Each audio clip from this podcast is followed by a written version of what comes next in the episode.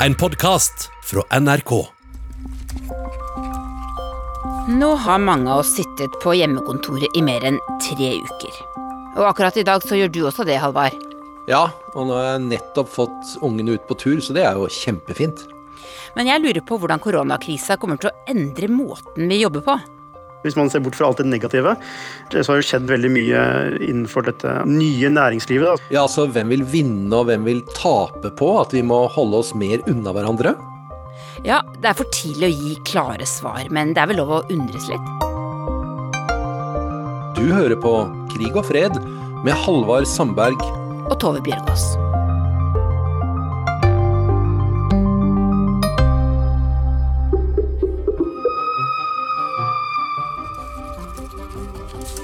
Jeg tror ikke det blir sånn at eh, etter denne krisen så er det liksom jobbe 100% hjemmefra til enhver tid.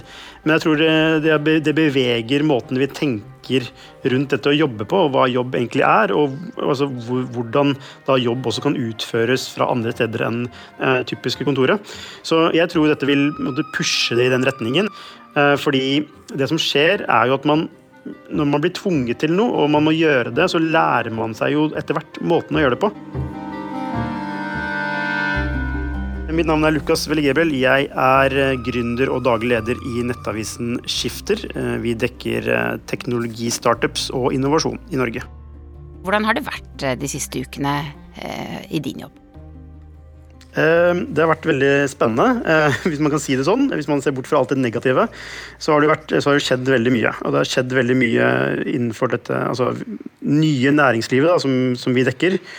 Eh, som nå har eh, en del utfordringer eh, pga. korona. Samtidig så ser vi også at en del, en del av det nye næringslivet opplever stor vekst. Og dette er typisk digitale tjenester, da, sånn som Whereby, som er en videoplattform, eller kolonial.no, som leverer mat på døra gjennom digital bestilling, og, eller Confrer, som også er et videosystem for for helsepersonell. Så det er, det er, det er todelt, uh, dette her nå. Uh, for vår del, som dekker dette her, og dekker et næringsliv i krise, så har det jo vært uh, veldig, veldig mye engasjement blant leserne.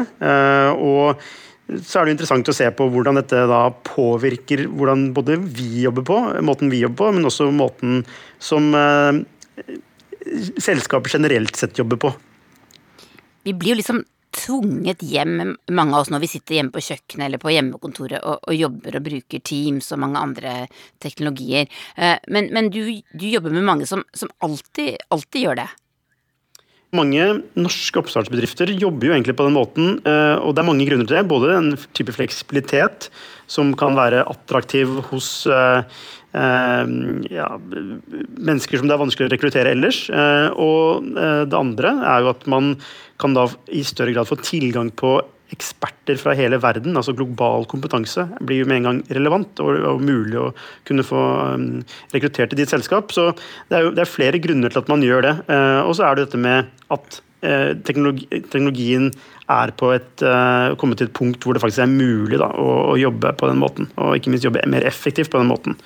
Hva slags regler er det man trenger å følge når man skal jobbe hjemmefra?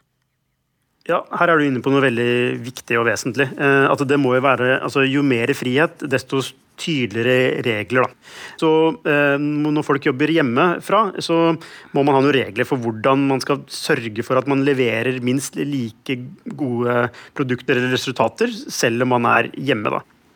Dette med å være produktiv, det å være selvledet, om man kan kalle det sånn, eh, hvor man ikke har den disiplinerende effekten av dine medarbeidere som sitter rundt deg og jobber. Eh, så, så det, det, finnes faktisk en tjeneste som gjør at du kan koble deg på video med andre som jobber. Eh, og som bare da, Så du bare er i et fellesskap av folk som egentlig ikke har noe med hverandre å gjøre, men som bare jobber. Så man kan, så man hele tiden, kan hele tiden være observert da, at man jobber, så man må jobbe. Ok, Så man ser eh, på folk, liksom? Man sitter og ser på andre som jobber alene? Riktig, man kan sitte og se på andre som folk som jobber. Det handler jo om å som da Eh, forfatter Nir Ayal, som jeg nettopp intervjuet, uh, forteller om i sin nye bok 'Indistractable', altså hvordan du blir uforstyrrelig.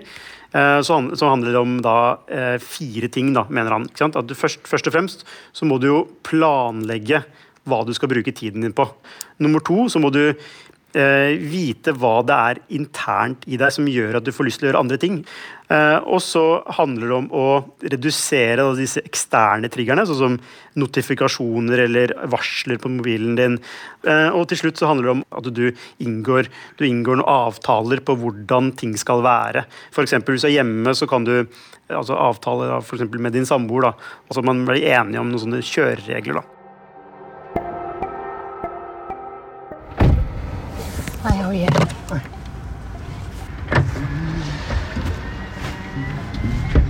How are the, How is traffic now with all this virus stuff? Is it? okay. Yeah. Halvard, 8. mars så landa jeg på flyplassen i San Jose i Silicon Valley, California. Da var det allerede koronaalarm i San Francisco-området, og Uber-sjåføren som kjørte meg til eh, rett ved der Facebook har hovedkvarteret sitt, brukte et veldig solid munnbind.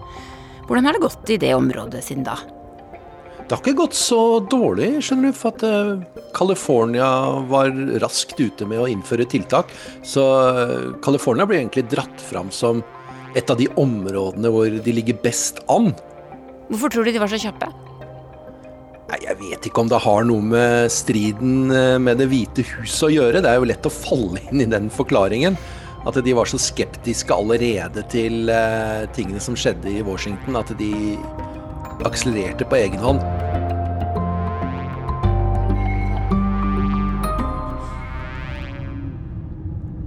Google, Intel, Facebook, every big company. Det var de store teknologiselskapene som gikk foran um, med et godt eksempel der, og eh, oppfordret alle sine medarbeidere til å arbeide fra hjemmekontor. Fra og med ca. en måneds tid siden. Og så kom guvernøren på banen veldig tidlig og eh, først oppfordret til hjemmekontor, og deretter kom en ordre om å gå i såkalt shelter. Mitt navn er Gro Dyrnes, og jeg leder eh, Innovasjon Norge i region Americas. Fra Canada, USA og Brasil, og sitter selv eh, fysisk lokalisert i Silicon Valley. Vi møttes eh, Eller vi møttes ikke, vi snakket på Teams. Det har blitt så populært nå for tiden. Eh, Bare for litt under en måned siden, da var jeg i Silicon Valley, og da var du allerede ute av kontoret pga. koronakrisa. Det, det gikk ganske fort. Hvordan har stemningen vært disse ukene der du er? Folk har tatt det med ganske både stort alvor og eh, samtidig god ro. Og det tror jeg handler om at eh, de gikk ut så tidlig med restriksjoner. Eh, at man har ikke sett den eksplosive økningen enda, heldigvis, som man har sett i New York. Og ting går seg jo til. I begynnelsen var det litt eh, utplukket i butikkene. Eh, mange som kjøpte spagetti bolognese osv. Ja. Men eh, Dopapir? Eh, Toalettpapir, absolutt. Men nå eh, er det god tilgang på varer, og, og folk eh, synes å ha innsett at det, det fylles opp.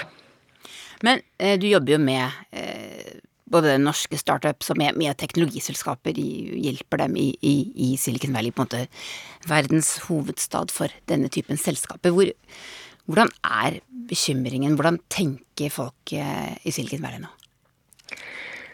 Det eneste som er sikkert, er jo at det er ingen av oss som vet eh, hva som kommer til å bli resultatet. Og eh, man får en eh, påminnelse om at eh, ting kan skje veldig fort. Um, vi som sitter i Silicon Valley er jo vant til å snakke om disrupsjon og hvordan store selskaper blir forstyrret, eh, disrupted, uten at de selv ser det. Eh, og nå plutselig sitter vi i en situasjon hvor vi alle har blitt forstyrret uten å verken forstå det, kunne kontrollere det eller vite hvordan vi skal svare på det. Så um, det, handler, vel, handler vel mest om å prøve å bare diskutere hva, hvordan ser det ut på andre siden. Hvordan tror vi det kan se ut? Og eh, få validert om det faktisk stemmer, da. Eh, men der du er, så, så har man vel eh, Så er det allerede ganske vanlig å ikke sitte sammen i, i samme møterom når man jobber, er det ikke det? Jo, jeg vil i hvert fall si at um, det er jo mer og mer vanlig med den strategien som man kaller remote first. Uh, som handler om at det spiller ikke noen rolle hvor de ansatte befinner seg, så lenge de får gjort jobben sin. Og at man faktisk har tilgang på kanskje enda mer talent, dersom man er villig til å gi ansatte mulighet til å jobbe der de, uh, der de ønsker selv å bo. Og teknologiene og, og løsningene hvor av mange er utviklet og selges fra Silicon Valley-baserte selskaper, eh, legger jo veldig godt til rette til dette allerede. Så det var nok ikke tilfeldig at de store selskapene kunne gå ut veldig tidlig og oppfordre til hjemmearbeid, fordi de har allerede løsninger som, som tilrettelegger veldig godt for dette. Hvordan, eh, hvordan, tror du dette som skjer nå vil forandre måten man, man, man jobber på, sånn rent praktisk? det blir jo mer eh, for å si, min, Mine fortolkninger er så gode som, som hvem som helst andre sine. Men for det første så får vi en kompetanseheving gjennomgående på hvordan man kan jobbe bedre digitalt. Og det er jo til en viss grad effektiviserende. Eh, man slipper eh, reisetiden, og ikke minst det påvirker faktisk miljøet fysisk også. Så mm, jeg tror jo at det blir en, en læring og en holdningsendring på tvers av befolkningen som gjør at vi kommer til å bruke disse verktøyene mye mer på sikt. Og kanskje være mer kritisk til hvordan vi bruker tiden vår når vi faktisk fysisk møtes.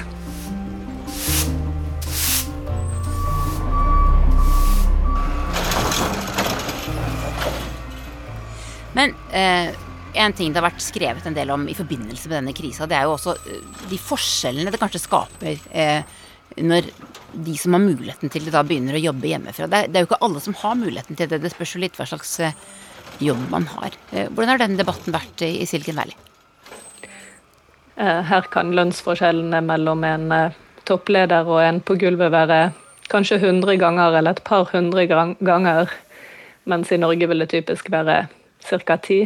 Tre til ti ganger. Mm. Og det er klart at det, det preger samfunnet enormt, og nå er det de på lavest lønninger, og de som er eh, typisk har fysisk en jobb som krever at de er fysisk til stede, som er permittert, eh, og som har manglende støtteordninger i forhold til vår norske vurdering, som kommer til å, å få det enda tøffere. Så forskjellene kommer til å bli enda mye større pga. dette.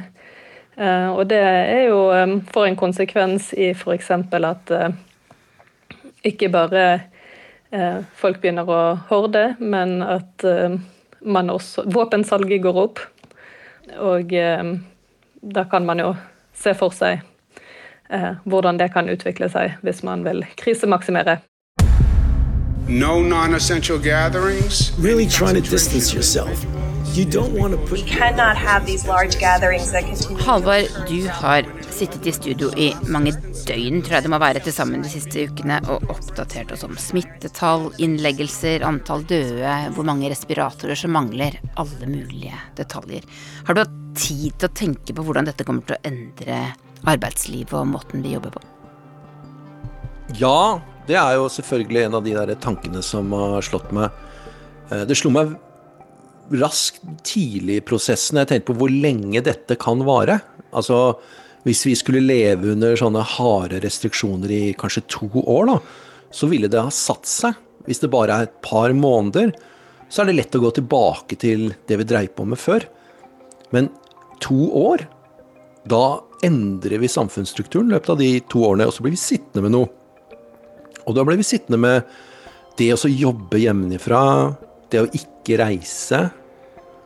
Det å uh, tenke mer på folkehelse. Ser vi noen tegn uh, fra Kina på det som kan komme i arbeidslivet framover? De har jo kommet litt lenger i prosessen enn oss. Ja, og de har jo gått gjennom det. Og, eller kanskje er litt i det fortsatt, og har fått tenkt gjennom det. Og der kommer det sånn at dette her var jo veldig bra. Veldig bra.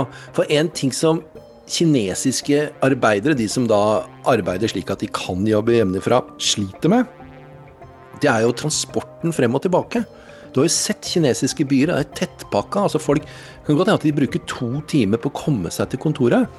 Og det da å slippe de to timene, men med å gjøre arbeid hjemmefra, det er for en del kinesere jeg snakker med, sett på som en ufattelig befrielse. Lukas, hvordan er det på eh, hjemmekontoret ditt?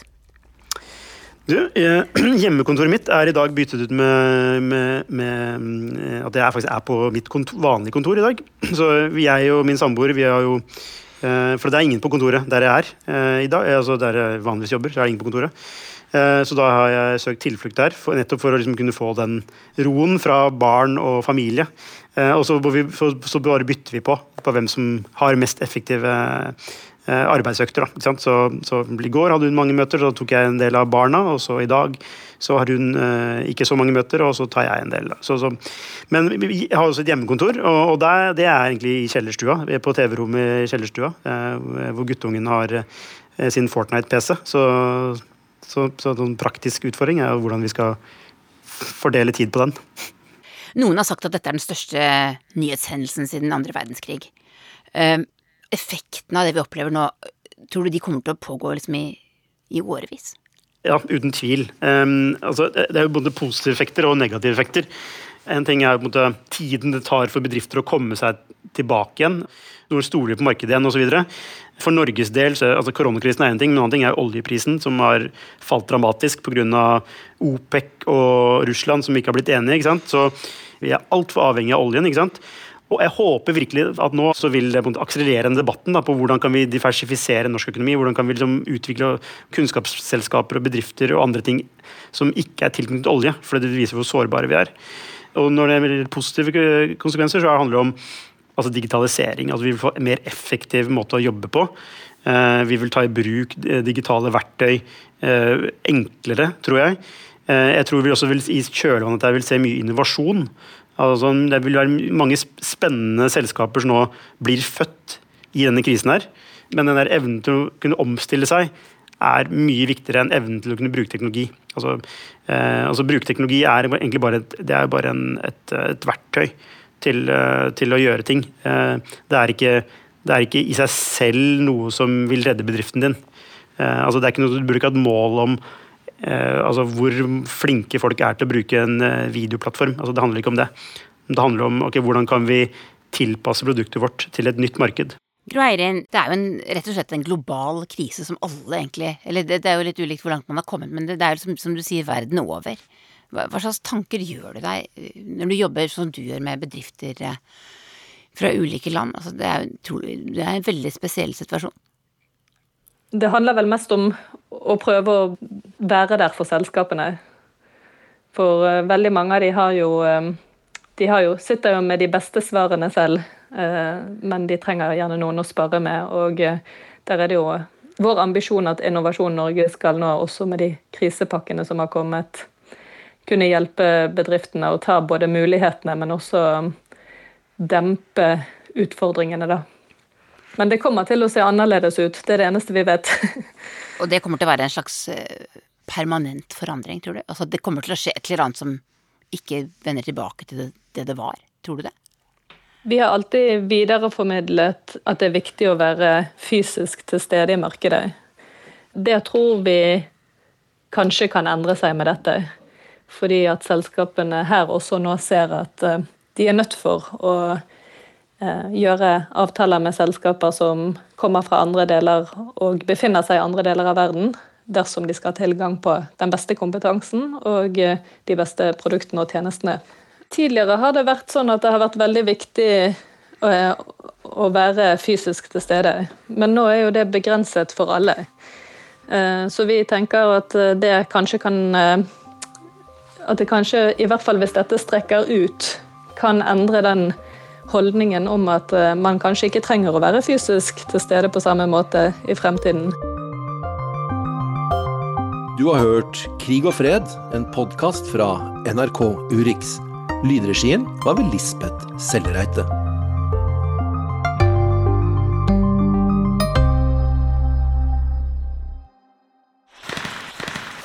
NRK Radioteatret. Ungdommen må ut. Multiple targets across the street. They know you're there. Get. Soldaten Oda oppdager at terroristene i Irak bruker norske rakettkastere. Hvordan havner kassavis med norske våpen hos terrorister i Irak? Hvordan skal jeg vite det? Oda velger kampen for sannheten. Det vil koste henne dyrt. Veit du godt at ikke vi har lov til å snakke om hemmelige oppdrag? Det er noen som prøver å gjøre alt de kan for at dette ikke skal komme ut. Hør Made in Norway som podkast i appen NRK Radio.